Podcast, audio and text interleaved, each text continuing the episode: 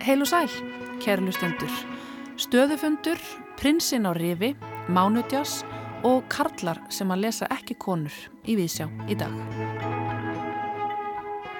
Frá með næstu mánaðamótum verður veitinga og tónlistastæðurinn Skuggabaldur lokaður á mánutugum. Sem og hugsanlega fleiri daga vikunar.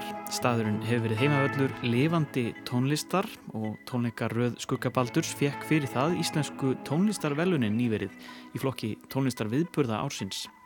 Þessi mánudagslokun þýðir að Mánu Díaz sem hefur verið fastur liður í Reykjavík undan farin ár heyrir sögunni til eða í byli að minnstakosti. Og í kvöld verður Mánu Díazinn þess vegna kvattur með viðhöfn Við sjá brásið niður á Austurvöll fyrir dag og leitt við á æfingu fyrir tónleikana. 17 ára mentaskólastrákur er statur á laugaveginum á samt vini sínum þegar símir ringir. Sæta stelpann sem að vinnur á prinsinum er í símanum. Ég er ólétt, þú ert að vera pappi. Hvernig getur maður orðið pappi 17 ára og mamman bara 16? Er framtíðin kannski í rúst? Þessar og fleiri spurningar koma fyrir í nýju íslensku leikverki sem að fremsynd verður í fristekljáunum á Rifi næstkomandi miðvöggudag 27. apríl. Höfundarverksins eru þau Marja Reyndal og Kári Viðarsson en verki byggjar á sönnum atbyrðum úr lífi Kára og Kári verður gestur okkar hér á eftir. Að uppgöta að ég læsi ekki konur var í alla staði óskiljanlegt. Það var eins og uppgöta að ég læsi ekki bækur sem væru með 8 tölu fjölda af blaðsíðum. Fáránlegt skilir því sem ég hafði enga hugmyndum og gæti ekki gefið neina rökrétta ástæðu fyrir, segir Björn Haldorsson sem fekk í fyrsta sinn tækifæri til að kenna reitlist í Erlendum háskóla og gerði þá óþægilega uppgötun sem neittan til að horfast í augu við sína eigin ómeðvituðu fordóma sem lesandi og hann segir okkur allt um það í pisli sínum í dag. En við hefum þáttin í dag á umfjöllunu um stöðufund í gerðarsafni. Ólöf Gerður Sigfúrsdóttir sá þessa samsýningu tíu myndlistarmanna og reytöfunda sem að leggja fram hugleðingar sínar um fortíð, samtíð og framtíð. Sýningin vakti Ólöfu til umhugsunar um fyrirbærið stöðutjakk sem að virðist vera að færast í aukana í dagskrá listasafna hér á landi á undanförnum missurum Ólef Gerður tekur nú við. Það virðist hafa færst í aukana undan farið að söfn setja á dasgra á samsýningar undir formerkjum stöðutjeks. Að tefla fram hópi listamanna sem eins konar fulltrúum sinna kynnslóða sem með endurliti til fortíðar greini helstu enginni þess sem á undan hefur gengið og afhjúpi þannig samtíman. Skemst er að minnast síningarinnar Íðavöllur, Íslensk myndlist á 21. öld sem listasatn Reykjavíkur setti á dasgrá í fyrra. Og nú stendur yfir síningin stöðufundur í gerðarsafni. Þótt blæbriðamunur sé á innrumenn síningana tveggja og starðargráðan vissulega ólík, þá eru þær báðar settar fram sem eins konar stöðutaka ákveðinar kynnslóðar á samtímanum og nokkrir sömur þáttakendur koma við sögu í báðum tilfellum. Stöðufundur gerðarsaps teflir fram hópi fólk sem samanveita áhugaverða insinn í hugarheim og væntingar hinnar svo kulliðu aldamóta kynnslóðar. Þetta er kynnslóðin sem er fætt á nýjunda og tíunda áratug síðustu aldar og er nú hálf fullorðin. Jável sum hver hálf miðaldra, ekki lengur ungstyrni en heldur ekki með mjög langan ferilað baki. Hér hafa síningastjóratnir þau Kristína Aðalsteinsdóttir og Þorvaldur Sigurbjörn Helgason bóðið fimm myndlistamönnum og fimm reytafundum að taka stöðuna.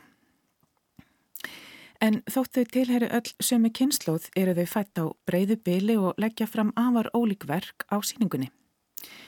Þau Kristina og Þorvaldur setja þá fyrirvara þótt hér séum stöðufundaræða þá sé verkefninu ekki ætlað að vera samtíma speil nýja tæmandi sögulegt yfirlitt. Þau vilja meina að sérstaða síningarinnar liggi miklu fremur í áherslu hennar á personulega upplifun listamannana á sinni eigin fortíð, nútíð og framtíð og listrætni miðlun þessara upplifuna í síningaforminu. Þessi innrömmun fjekk mig til að leiða hugana þessari tilneyingu til að setja fram samsýningar undir formerkjum stöðutjaks. Í raun má segja að hver einasta síning sem settir upp í listasafni, þar sem samtímalistir í aðalutverki, sé eins konar stöðutaka í sjálfri sér. Eins konar stöðufundur eins og sá sem nú fer fram í gerðarsafni. En stöðufundir eru samkomur sem kallaðir til þegar eitthvað hefur gengið á þegar eitthvað hefur átt sér stað sem bregðast þar við, þar sem fólk er kallað saman til að greina uppkomna stöðu og leggja mat á hana. Oftast er þetta gert í miðum klíðum fremur en eftir að tiltekið ástandir liðið hjá. Og í raun má segja að listin í hvaða formi sem hún er sett fram sé ymmit alltaf að gera þetta, að taka stöðuna, greina samtíman og kommentera á hann. Sýningarstjórnir tveir ramma síninguna inn sem eins konar viðbrað við ástandinu undanfærin misseri sem ég gerir á fyrir að sé vísunni heimsvaraldurinn. Upphaflega átti síningin að ganga út frá tímamótunum árið 2020 þegar nýr áratögur var að hefjast og teilefni til að líta tilbaka yfir þessa fyrstu tvo áratögi aldarinnar. Vissulega vel til fundið. En svo frestaðist síningin endurtekið og innihaldið endurstilt samkvæmt því. Það er eftir vil þess vegna sem ég hafði á tilfinningunni að ég væri að skoða síningu sem ég hafði að hluta til séð áður, kannski bara næstum hvaða síningu sem er. Að ég væri stött í eins konar limbói þar sem ég væri að sjá verk eftir sömu listamennina og lesa sömu tekstana aftur og aftur fjalla um sömu þemun. Að ekkert okkar hefði raun komist úr spórunum síðastlíðan tvö ár værum á einhvern nátt í lausu lofti, hengum í eins konar byð eftir vendibúnti sem aldrei kæmi. Þessi enginnilega tilfinning fyrir tíma er emmitt það sem bindur þáttakendur síningarinnar saman. Öll fjalla þau á einn eða annan hátt um tíman, hvernig við upplifum hann, táknum hann og hvaða merkingu við búum til úrunum. Tímin tengist svo aftur pælingum um líkamleika, hið efnislega og hið stafræna og hvaða áhrif þessir kraftar hafa á sjálfsmynd okkar og tengslamyndun, hvort sem er við annað fólk, dýr eða umhverfið. Þessar pælingar byrtast jáft í myndverkum sem tekstaverkum síningarinnar en tekstaverkin eru byrt á veggjum síningasalana tveggja og mynda áhugaverða skurpunta við myndlistaverkin sem raðast í kringum þau. Þá eru verk reytöfundana byrt í heilsinni í veglegri síningaskrá sem fylgir síningunni sem gefin er út sem bókverk í tölusettum eintökum og verðt er að skoða vel. Það er meitt áhugaverð sögn fólkin í því að leiða saman myndlistamenn og reytifunda þar sem samtíminn enginist á svo mörguleiti af samsöðu mynda og texta eins og byrtist okkur á samfélagsmiðlum og fréttamiðlum. Þó er flæðið á milli myndverkana og textaverkana stundum heldur ógreinilegt og í raun hefðu sumir textar geta farið nánást á hvaða veg sem er og parast þannig við ólík myndlistaverk síningarinnar.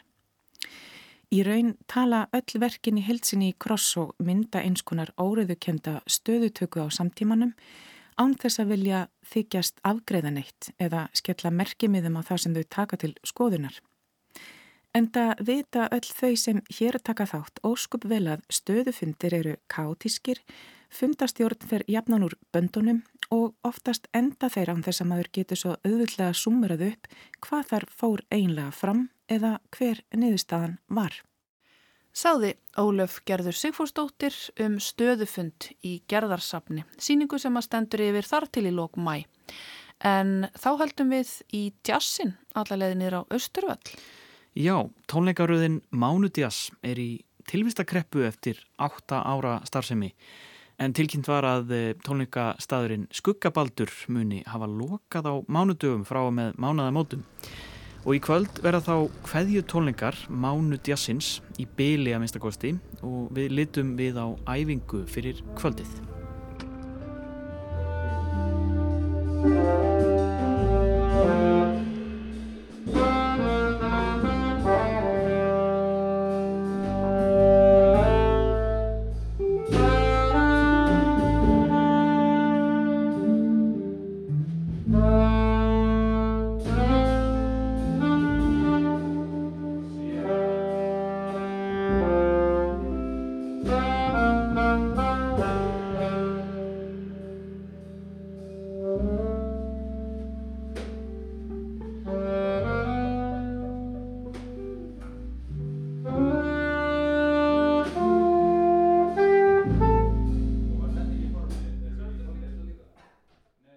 Ég heiti Magnús Tryggvarsson Eliasson og spila á trommur.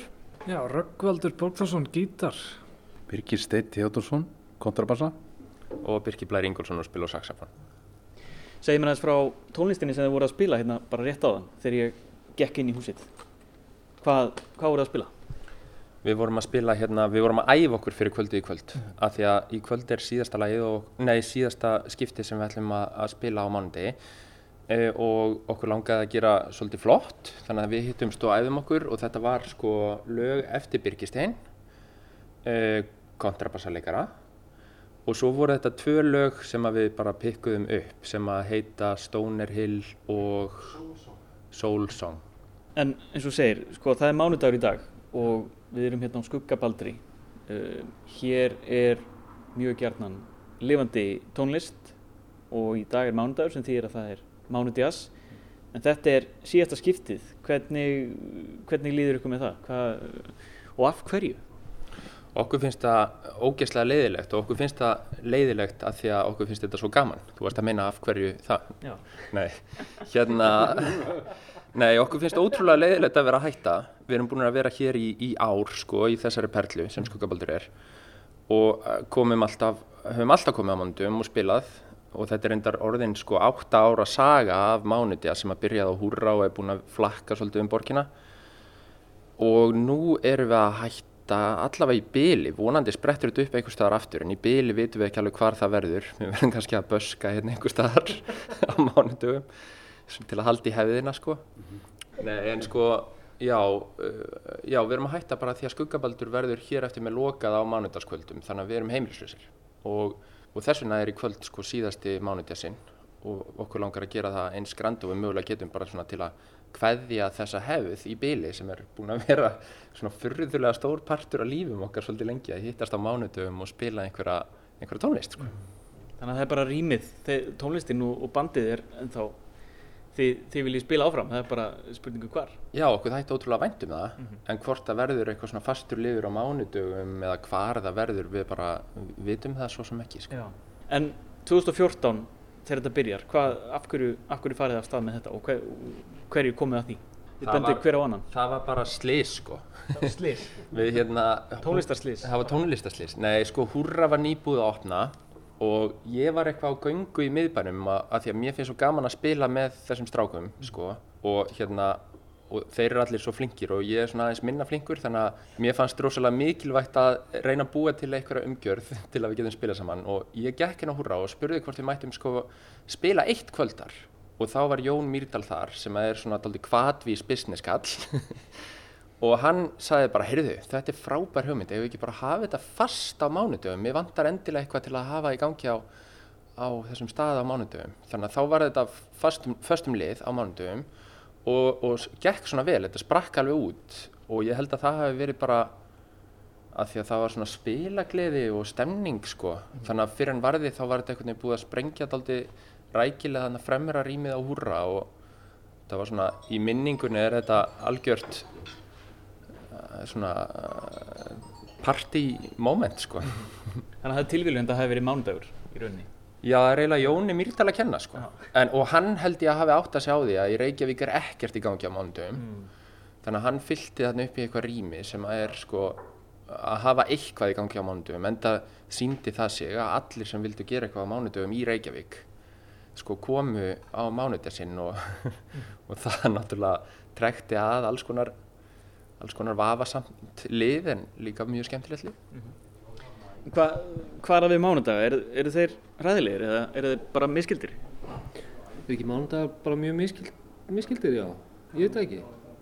En sko, þú veist, þetta er ástæða þess að við náttúrulega, já þetta dettur út núna í bila allavega, þessi, þessi mánudagssessjón er náttúrulega bara eins og við rættum á hann og ef það má koma inn á það hérna, kannski hluti af starra vandamáli bara mm. þú veist að svona staðar eins og skuggabaldur þeir það kannski stendur ekki alveg undir sér á erfiðustu svona myrkustu virkudögunum sko sem er synd og skam og væri gaman ef, ef eins og svo batir eins og FIH eða, eða bara borgin eða eitthvað geti kannski aðstofað aðeins En af hverju er það?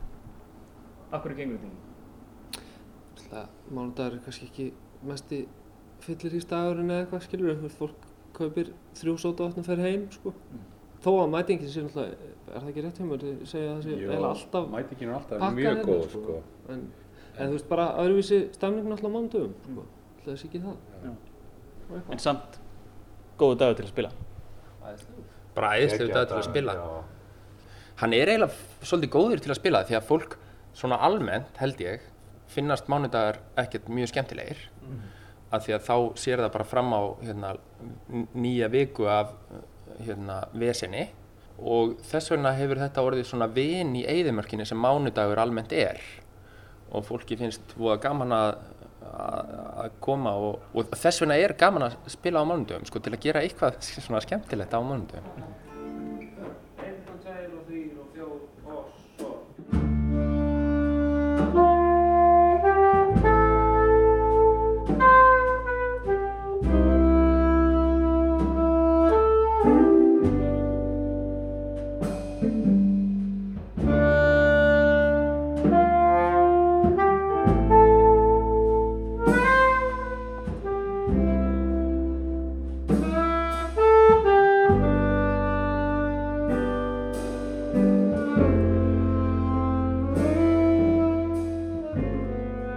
þessum átta árum eru margir sem hafa komið að og gripið í hljófæri.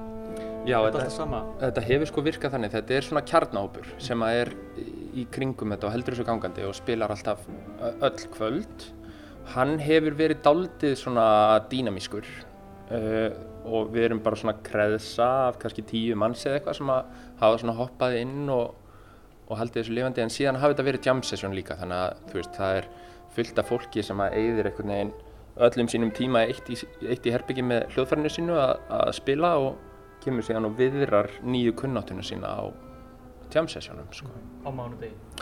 það hefur verið svolítið vinsælt sko. Þannig að það er fullt af fólki sem hefur komið að spila sko. En þið hafði ekkert vilja bara færa þetta yfir á þriðutaskvöld?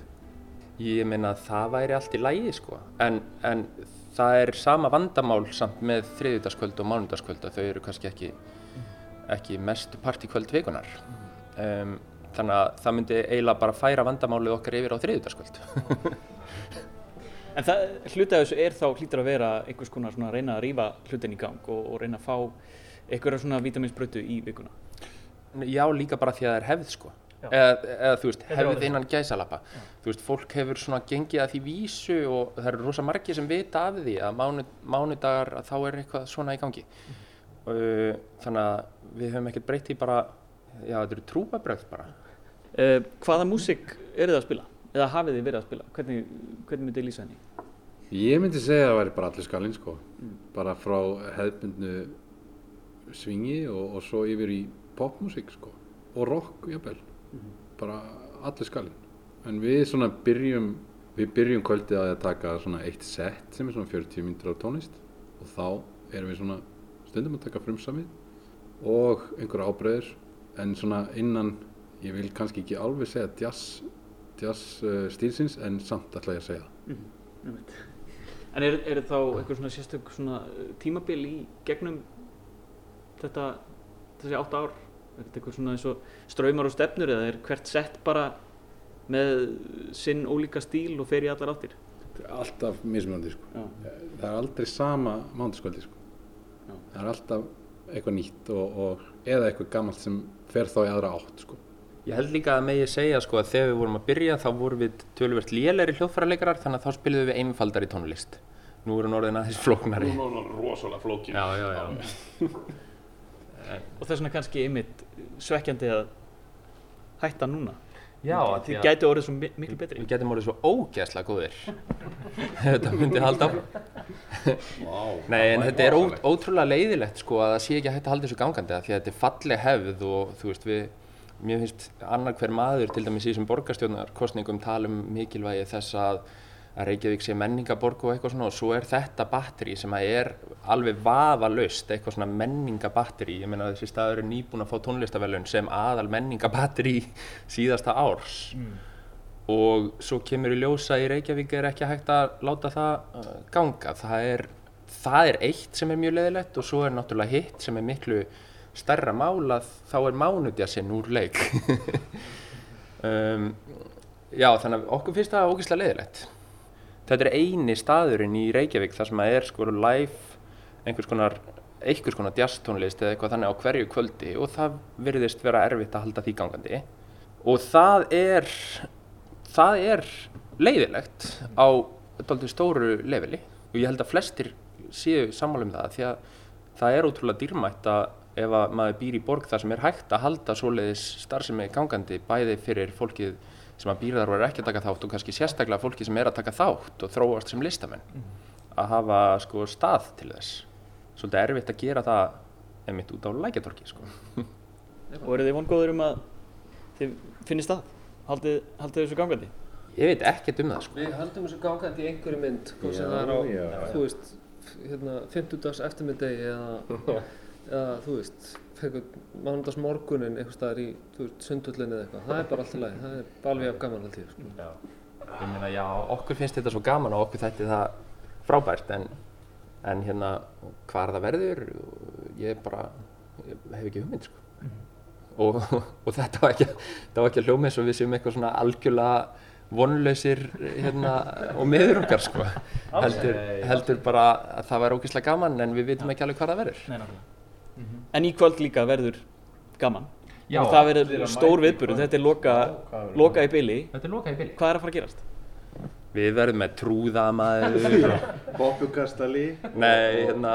Heliumblöðrur og... Ég myndi halda að það sem gerist er náttúrulega við verðum í okkur þykir væntum þetta og munum njóta þess mjög mikið að spila. Og ég vona og ég held að mjög margir sem að hafa verið að mæta og spila með okkur muni mæta í kvöld. Þannig að það getur orðið svolítið stór hljómsveit hérna einhvern veginn að fagna þessu. Og við getum spilað eitthvað fram á kvöld þannig að Líka ammaliðsdagur Ellu Fitzgerald. Svo er það, já. Það munum fullt að söngurum mæta, við munum spila Já. perlur eftir Ellu, eða sem hún söng. Já. Það verður gaman, fagna því. algjörlega þannig að þetta getur orðið stórt sko. Algjörlega. Svo má kannski líka halda því til haga að sko þó að við séum ekki að fara að spila næst, næst komandi mánudagskvöld eða einhver mánudagskvöld þannig í framtíðinni þá hérna sko staður er ekki að loka hann verður opinn alltaf 50 til lögadags allavega Mm og vonandi einhverja fleiri daga vikunar í framtíðinni. Og bara fólk á að koma að hlusta. Því að til þess að halda menningarlifi gangandi þarf fólk að hætta að tala um að koma og koma, yey En líka svona fólk er svolítið að koma út úr skilinni eftir COVID og svona, þú veist, það, það, það, það þarf einhverja kvartningu til að Já, já. svona rífa þetta í gang. Já, ég, mér skilst að fólk komi svolítið hægt út úr skilinni, þetta er vandamál víðar sko. Uh, en algjörlega, það er möst og ég held að það sé alveg rétt hjá Magga, það er ótrúlega mikilvægt að það komi fram að Skuggabaldur ætlar að hafa loka núna á virkumdöfum en hafa opið á 50 dögum, 40 dögum og lögadögum og, og það er náttúrulega undir því komið að fólk eh, mæti á þessa tónleika og kaupi sér fullt af víni, hvort sem það ætlar að drekka það eða ekki og það má, það má vaska Það má vaska því strax. Bara kaupa, vaska, kaupa, vaska. uh, og hérna og spýta. Já, smakk og já, þannig að það þarf að koma fram þeir ætla að reyna að halda þessu ganga því sem er frábært og þá verður áfram einmitt live tónlist á hverju opni kvöldi hérna. En það verður heldur betur húlum hæ í kvöld, loka tónleikar í byli, uh, Mánu Djass á Skuggabaldri.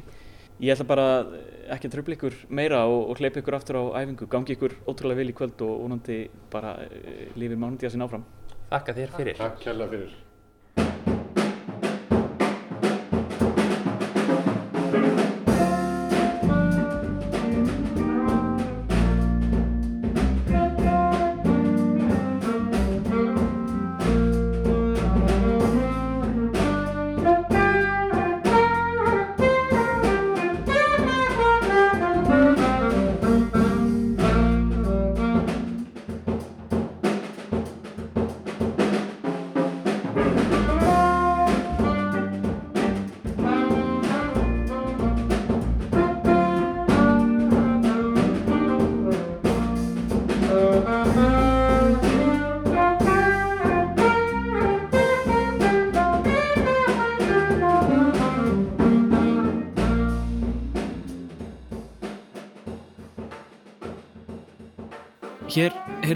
Stutt brot úr æfingu fyrir loka tónleika Mánu Djass sem að verða í kvöld á Skuggabaldri.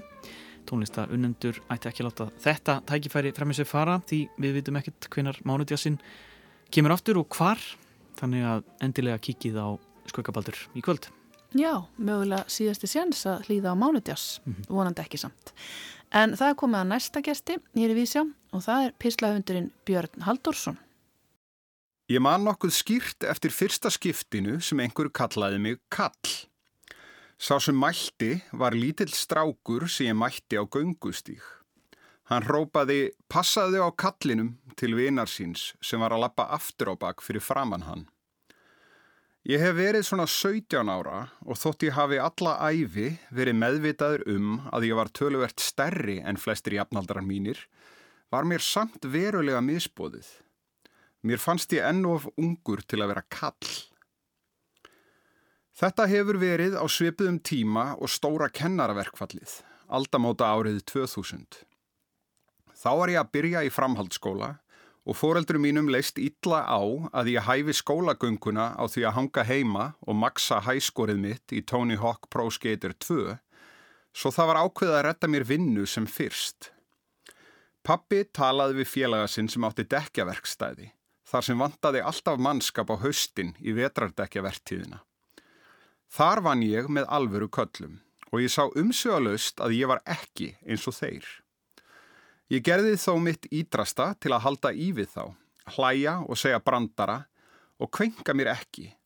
Ekki einu sinni í einni hasartörninni þegar einhver sendi bílaliftuna upp áður en ég náði að kippa að mér hendinni eftir að hafa komið stuðpúðunum fyrir. Sem betur fer var bröðist hratt við þegar ég rak upp gól og ég held fingurunum, þótt enn votti fyrir öri þvert yfir núa hægri handar. Ég lærði margt gott af körlunum að segja sögur og leggja hart að mér í vinnu og hvernig maður gatt stundum náð orðinu í háværum hóp karla. Efalaust lærði ég einhverja ósiði líka og að sjálfsögðu lærði ég allt sem þarf að vita til að skipta um dekk, sem jafnvel á okkar upplýstu tímum verðist teljast til ákveðinar grunnþekkingar sem ætlast er til að kallmenn búi yfir. Engu að síður fannst mér ég ekki falla undir þetta stóra orð kall. Það hafði lítið breyst nokkrum árum setna þegar ég snýri heim úr bíanámi í bókmentum og fekk vinnu á starfsvettfangi þar sem ég átti eftir að ílengjast næstu árin. Í bókabúð í miðbænum.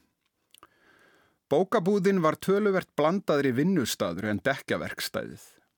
Bókmentagráðan mín duði til að retta mér stöðu í erlendudeildinni Þar sem nánasti samstarfsmaður minn var kona sem mér þótti ram fullorðin þá en var efalust yngri en ég er í dag. Við töluðum mikið um bækur í vinnunni og mæltum með tittlum handa hvort öðru. Þótt ég minnist þess ekki að hafa verið sérstaklega duglegur að eldast við meðmæli hennar. Það var svo margt annað sem ég hafði að lesa. Hún tóks hins vegar eitt sinn heim með sér skáldsögu sem ég hafði reyfað við hana.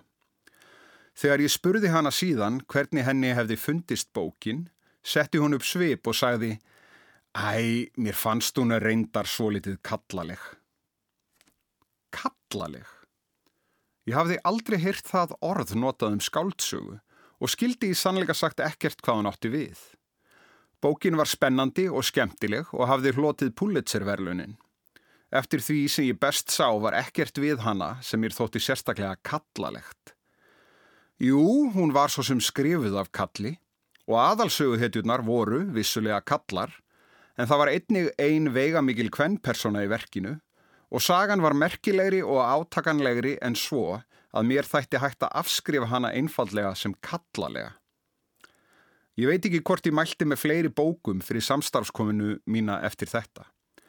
Við vorum jú með ólíkan smekk, ekkert aðtugavert við það. Engu að síður snýrist stór hluti af starfi mínu í búðinni um að mæla með bókum við gesti og gangandi, að týna úr hillum mínar uppáhaldsbækur og tala fólk inn á að gefa þeim sjens. Þetta gerði ég næstu árin, allt þar til ég gati ekki neyta því lengur að ég hafði meiri áhuga á að skrifa bækur en að selja þær. Sagði upp og hendi mér aftur út í fjárhagslega óvissu, námslana og skólagjálta. Ég komst inn í meistaranám í ritlist Erlendis, slikt var ekki bóði á Íslandi í þá daga. Kennarin minn þar var kona. Hún kendi okkur að rína í bækurnar sem við lásum saman, hugsa um fyrirætlanir höfundana og hvað lægi að baki orðavali þeirra. Í tímum hjá henni fór ég í fyrsta sinna velta fyrir mér ákverðunum sem ég tók í mínum eigin texta. Ákverðunum sem þanga til höfðu verið eðlislagar og sjálfgefnar og voru oftast teknar á blaðsíðunni jafn óðum. Í fyrsta sinn fór ég líka að pæla í hlutum eins og kynjuðum fornöfnum og hvaða áhrif þau hefðu á upplifun mismunandi lesanda af tekstanum mínum. Ég pælti ekki mikið í þeim, en ég pælti samt í þeim. Eitt mest spennandi hluti námsins snýri að því að á öðru ári átti ég að fá útlutað mínum eigin rítlistarhópi sem ég myndi fylgja í gegnum leslista sem ég hafði sett saman sjálfur. Við eittum miklum tíma þá önnina í að undirbúa kennslu áallanirnar okkar og ég týndi saman allt það besta sem ég þekkti eftir öll mín ár sem yðin lesandi. Listin sem ég setti saman var þaul hugsaður með valdakabla úr bókum eftir hérna ímsu höfunda sem hver og einn átti að sína fram á mismunandi áherslur og tækni sem nefendur mínir getur lært af og nýtt sér í eigin skrifum. Þegar koma því að fara yfir leslistan með kennaranum mínum, sendi hún mér kangvíst brós og spurði hvort ég hefði leitt hugana því að meira en helmingur nefendahópsins míns væru konur. Ég kinkaði ósælrátt kolli án þess að skilja hvað hún var að fara. Það var þá sem hún bendi mér á að á listanum sem ég hafði afhent henni voru engöngu kallar og stakk upp á að kannski væri tilefni til að bæta inn nokkrum kvennhöfundum til að breyka vettvang kjenslunar og ná betur til nefndahópsins. Ég tók umsögalust undir með henni og döð skammaðist mín fyrir þessa augljósu gloppu sem ég hafði yfirsjæst. En þegar ég settist yfir leslistan um kvöldið tóku að renna á mig tvær grímur. Ég neittist til að horfast í augu við staðreind sem ég hafði aldrei áttað mig á áður. Ég las ekki konur. Á meðal allra þeirra hundraða höfunda sem ég hafði lesið um æfina var einungis að finna handfylli af konum. Fyrir utan klassiska höfunda á borð við Jane Austen og Bronte sýsturnar sem ég hafði lært að meta í bókmentanáminu voru flestar bækurnar sem ég hafði lesið eftir konur annarkot badnabækur sem ég hafði gleift í mig í æsku eða bækur eftir höfunda sem ég hafði ekki uppvitað fyrir en setna að væru konur sem er kannski ekki að undra þar sem markaðsaransóknir í hinnum ennsku mælandi útgáfu heimi hafa lengi sínt að kartlesendur eru tregari til að taka sens á bókum eftir til dæmis Joanne Kathleen Rowling eða Phyllis Dorothy James heldur en J.K. Rowling og P.D. James. Það hljómar fáránlega að segja það í dag en ég kom gjörsamlega af fjöllum við þessa uppgötun. Ég hafði alltaf talið mig vera einstaklega viðlesin og áhuga saman lesanda sem las bækur allstaðar að úr heiminum. Klassiska og surrealíska höfunda, samhliða glæpasögum og fantasíum. Og ég var alltaf tilbúin að rýfast ef fólk talaði niðrandi um teiknumdasögur og reyfara eða aðrar jæðarbókmentir. Að uppgöta að ég læsi ekki konur var í alla staði óskiljanlegt. Það var eins og að uppgöta að ég læsi ekki bækur sem væri með 8 fjölda af blaðsíðum. Fáránlegt skilir því sem hafði enga hugmyndum og gæti ekki gefið neina rökrétta ástæðu fyrir. Mér tókst að vinna nýja kennslu áallun í flíti og komast klakklaust í gegnum hana. En eftir þetta hef ég reynd að veita því meiri aðtegli hvaða bækur það eru sem er rata inn á borð til mín. Ekki til að þvinga inn tilteknar bækur sem falla í tiltekna flokka, heldur frekar til að gæta þess að loka ekki ósjálfurátt á bækur sem eru færar um að opna mér sín á heiminn sem er mér framandi. Því að það er í raun megin ástæða þess að ég les skáldskap. Ástæða þess að ég hef alltaf lesið skáldskap. Til að fá tækifæri til að upplifa heiminn frá öðru sjónarhorni en mínu eigin. Sagði Björn Haldursson í pisli sínum en þá ætlum við að halda í leikhúsið. Miðvíkudaginn, næstkomandi, 27. april, frumsýnir þjóðleikhúsið í samstarfið fristaklefan á rifi nýtt íslenskt leikverk, Prinsinn kallast það og það er eftir þau Marju Rindal og Kára Viðarsson og þetta verk er byggt á sönnum atbyrðum. Uh, Marja Rindal hún leikstýr verkinu En auð Kára þá leika þau Sverri Þór Sverrisson, betur þekktur sem Sveppi og Solveig Guðmundsdóttir og Birna Pétursdóttir í síningunni. Og uh, Kári Viðarsson er mættur hingað til okkar í Vísja, verður velkomin. Takk fyrir. Prinsinn, uh, þetta byggir á þinni eigin reynslu?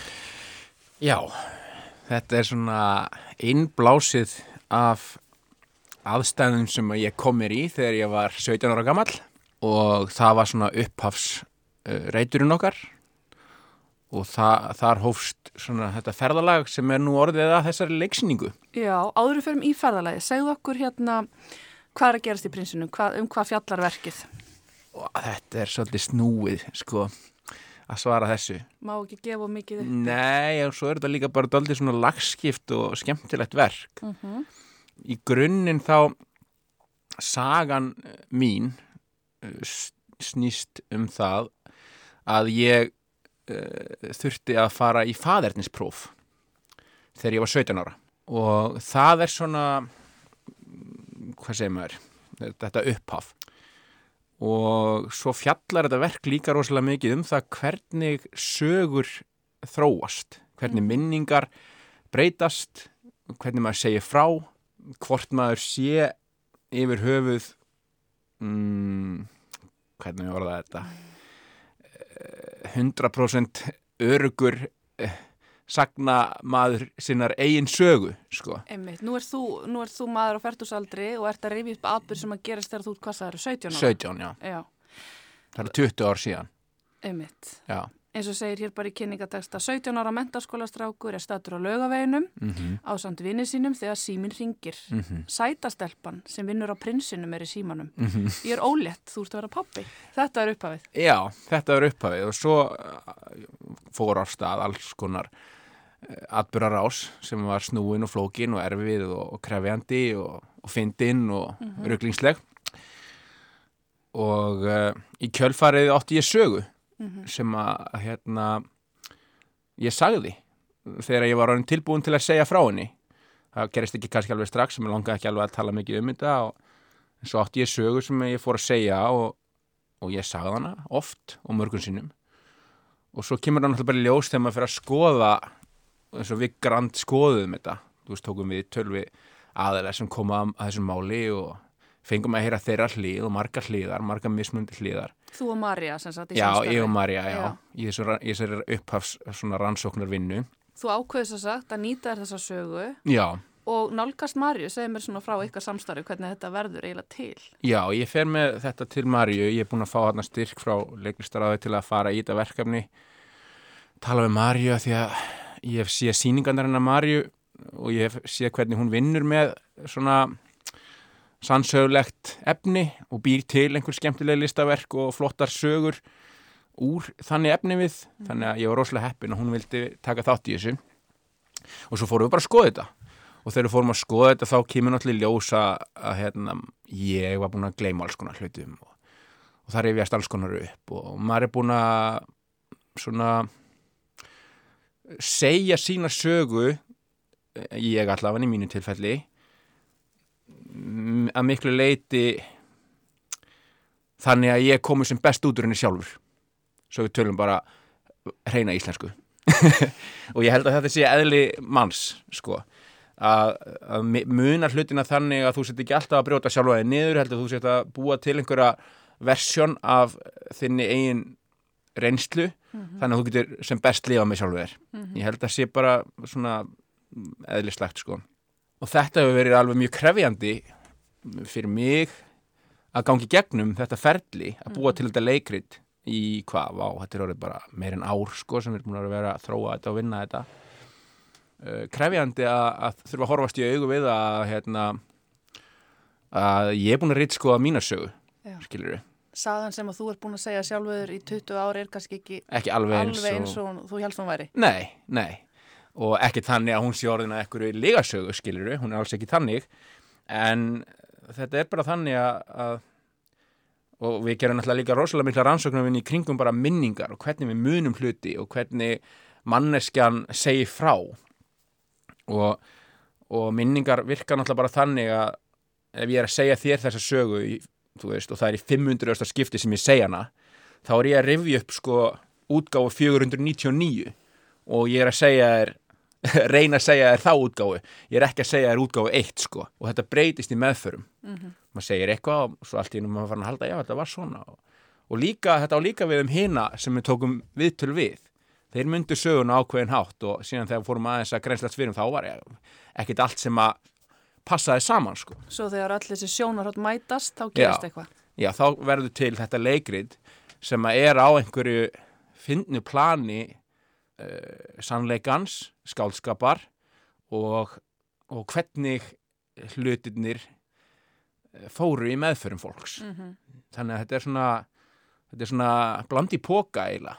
Svolítið skemmtilegt sko Já, hljómar það eins og þú segir, marglaga og, Já. og í rauninu þá fjallar verki kannski bara um þessa sjálfskoðun í leiðinu og hvernig, hvernig sjónarhóttn þurfa að, hvernig eitt sjónarhóttn bara nægir kannski ekki alveg til heldur. algjörlega, fullkomlega sko það, þetta varð rosalega mikið um það En hvað var til þess að allt í hennu langaði til að kafa onýjenda og takast á við þessa sögu sem er búin að fylgja þér í 20 ár? það var þegar að, hérna, ég var orðin pappi sko þegar strákur minn var fættur þá fór ég að hugsa rosalega mikið um þetta hvernig þetta hafi verið og ég fór að íhuga þetta mál, 20 ára gamla mál. Og líka út frá því bara hvernig ég persónlega uh, svona prívat og persónlega dílaði við þetta og hvernig ég vann úr þessu eða réttar að sagt kannski bara vann ekki úr þessu. Og og ég fór að hugsa, þú veist, skildi þetta vera svona enn í dag með svona mál? Hvernig ferðlanir eru og hvort að sé einhver meiri umræða eða uh, hjálp eða þú veist, einhver svona, einhver svona meiri leiðbenningar og aðstóð Þú varst Fyrir- ungur maður sem þurftir að fara í faðiritinspróf og við viljum kannski gefa, einmitt eins og segir, við viljum ekki gefa of mikið upp um hvernig sagan þróast. Nei, nei, nei, nei, En þetta var sem sagt já. tilfinningalegu rússibarni gerir ráð fyrir að takast á þessum tíma. Já, og sko, ég man alveg þegar ég var 17 og ég var að eiga við þetta og upplifa þetta og fara gegnum þetta að mér leið eins og ég væri fullorðin, sko. Ég held að 17 ára krakkar, þeim líði oft eins og séu fullorðin, en núna þegar ég fer bara ættamót og sé frændu mína sem eru 17 ára og, eða frængu mínar sem eru 17 ára og, og, og hugsa með mér, ég var svona þegar, þegar ég var að fara í gegnum þetta, þá áttaði mig á því að maður er ekki næstu því tilbúin Nei. tilfinningarlega eða bara þros, í þroska til þess í alvörunni að, að svona af einhverju sko, einhverjum toga bara eiga við þetta. Að því að tilfinningarlega og þá er þetta bara ótrúlega erfitt að gangi gegnum, bæði fyrir stráka og stelpur. Auðvitað miservitt hvernig, eftir því hvernig aðstæðunar eru og allt það en, en alltaf held ég svolítið krefjandi sko, að vita ekki hvort þú ert að vera pappi eða, eða ekki sko. Einmitt. En þetta ferli eins og segir, vinnuferli sjálft að búa til þetta leikrit og að leita upp þessi sjónarhóttn og Já. búa til þessa sögu, þetta lítur að vera svona, þú segir, erfitt og lærdómsíkt ferli, Já, en uh, kannski líka skemmtilegt og kannski ef þetta varpa, ég meina þetta er, gerir ráð fyrir svolítið fyndin síning já, mjög líka. mjög fyndin og já, þetta var erfitt þetta var krefjandi, þetta er mest krefjandi sköpunarferðli sem ég hef tekið þátt í bæði bara leikúslega og líka persónlega, þetta er náttúrulega mjög persónlegt fyrir mig og líka bara að komast að kjarnanum og búa til fallega og, og sterkar sögn eh, með þessu verki var alveg rosalega mikil og erfi vinna. Og mér líður eins og að við höfum saman, ég og leikararnir og Marja og bara tækni fólkið og búið til bara fjórar leiksýningar. En það gerðu við eiginlega sko. Við fórum í alls, við lendum í alls konar öngstrætum í þessu ferli sko. Við kannski unnum heila viku, tókum eitthvað reynsli, áttum okkur á því að við varum bara komin að eitthvað um vegg. Þú veist og það var eitthvað ákveðin hluti sem pössuðu ekki og gæti ekki gengið upp. Svo bara á mándinu var bara Marja búin að skrifa, þú veist, 17 nýjar senur og, og þú veist, og þessi karakter var dottin út og þú veist, og áhörundur sátu öðruvísi og þú veist, við vorum komin í aðrar, þú veist, þetta var bara, þetta var rosalega krefendi, sko. Og hérna, en ótrúlega lærdómsríkt, ég held fyrir alla sem að tóku þátt í þessu, sko. Og mér langar bara að minnast á það að ég bara með hennan leikóp sem að er að vinna í þessari leiksýningu, ég bara held ég gæti ekki hafa orðið hefnari með samstarfsaðila bara allan hópin sko, leikara og tækni fólk og allt, það er allir búin að vera bara, þú veist fáránleir og þjóðleikhúsi á risastórt hróskilið fyrir að, að hérna trúa á þetta verkefni og, og hjálpa okkur að, að gera þetta því sem þetta er orðið sko.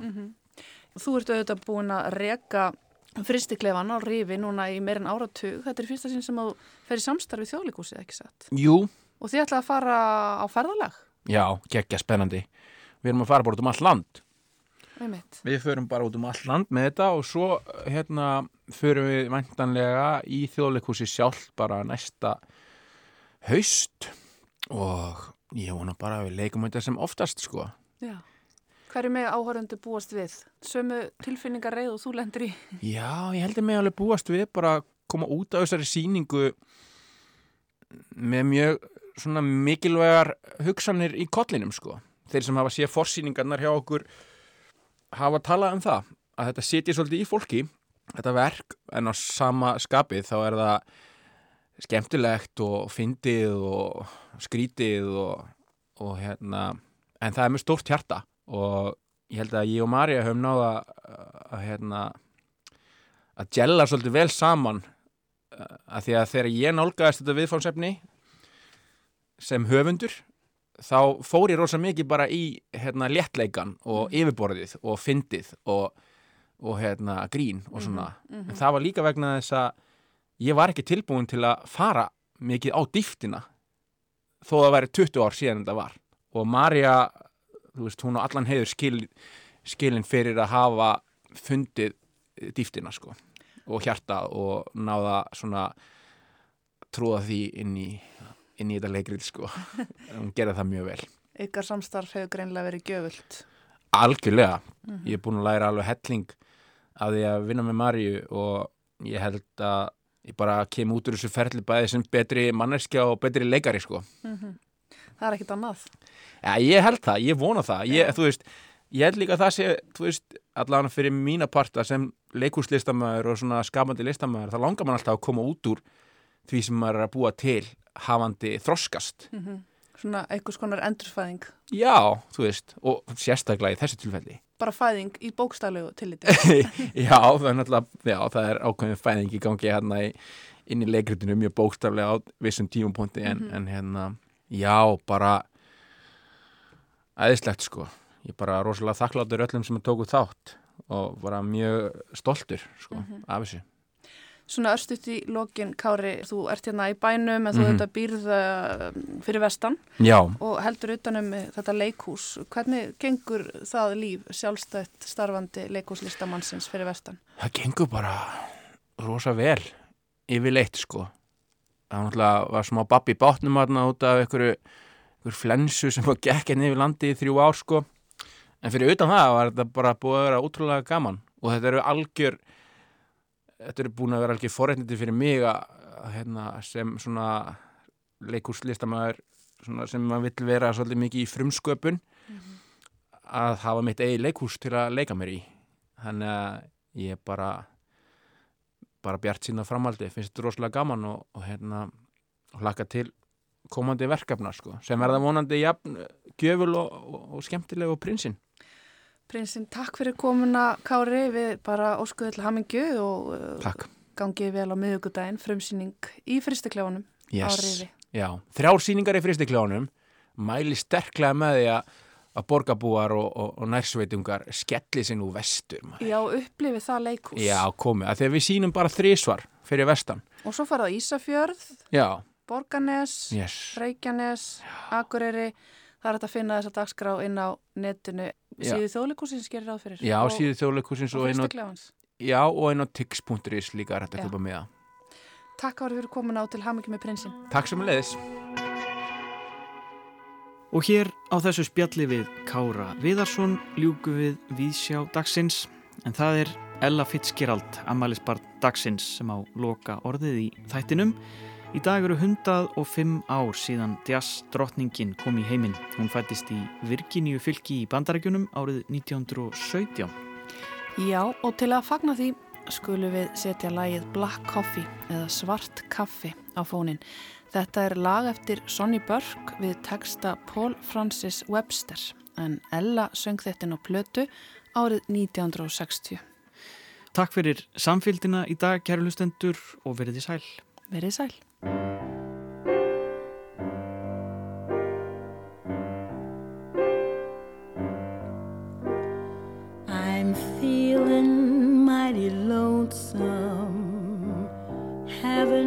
slept a wink. I walked the floor and watched the door, and in between I drink black coffee.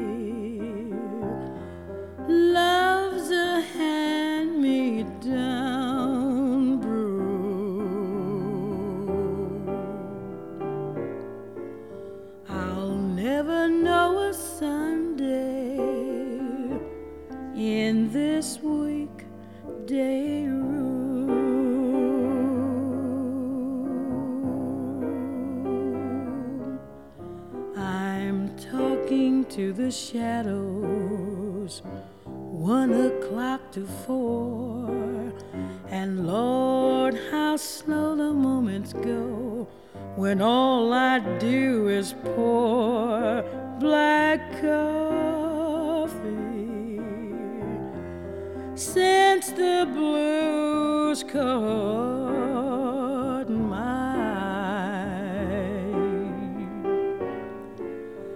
I'm hanging out on Monday, my Sunday dreams too dry.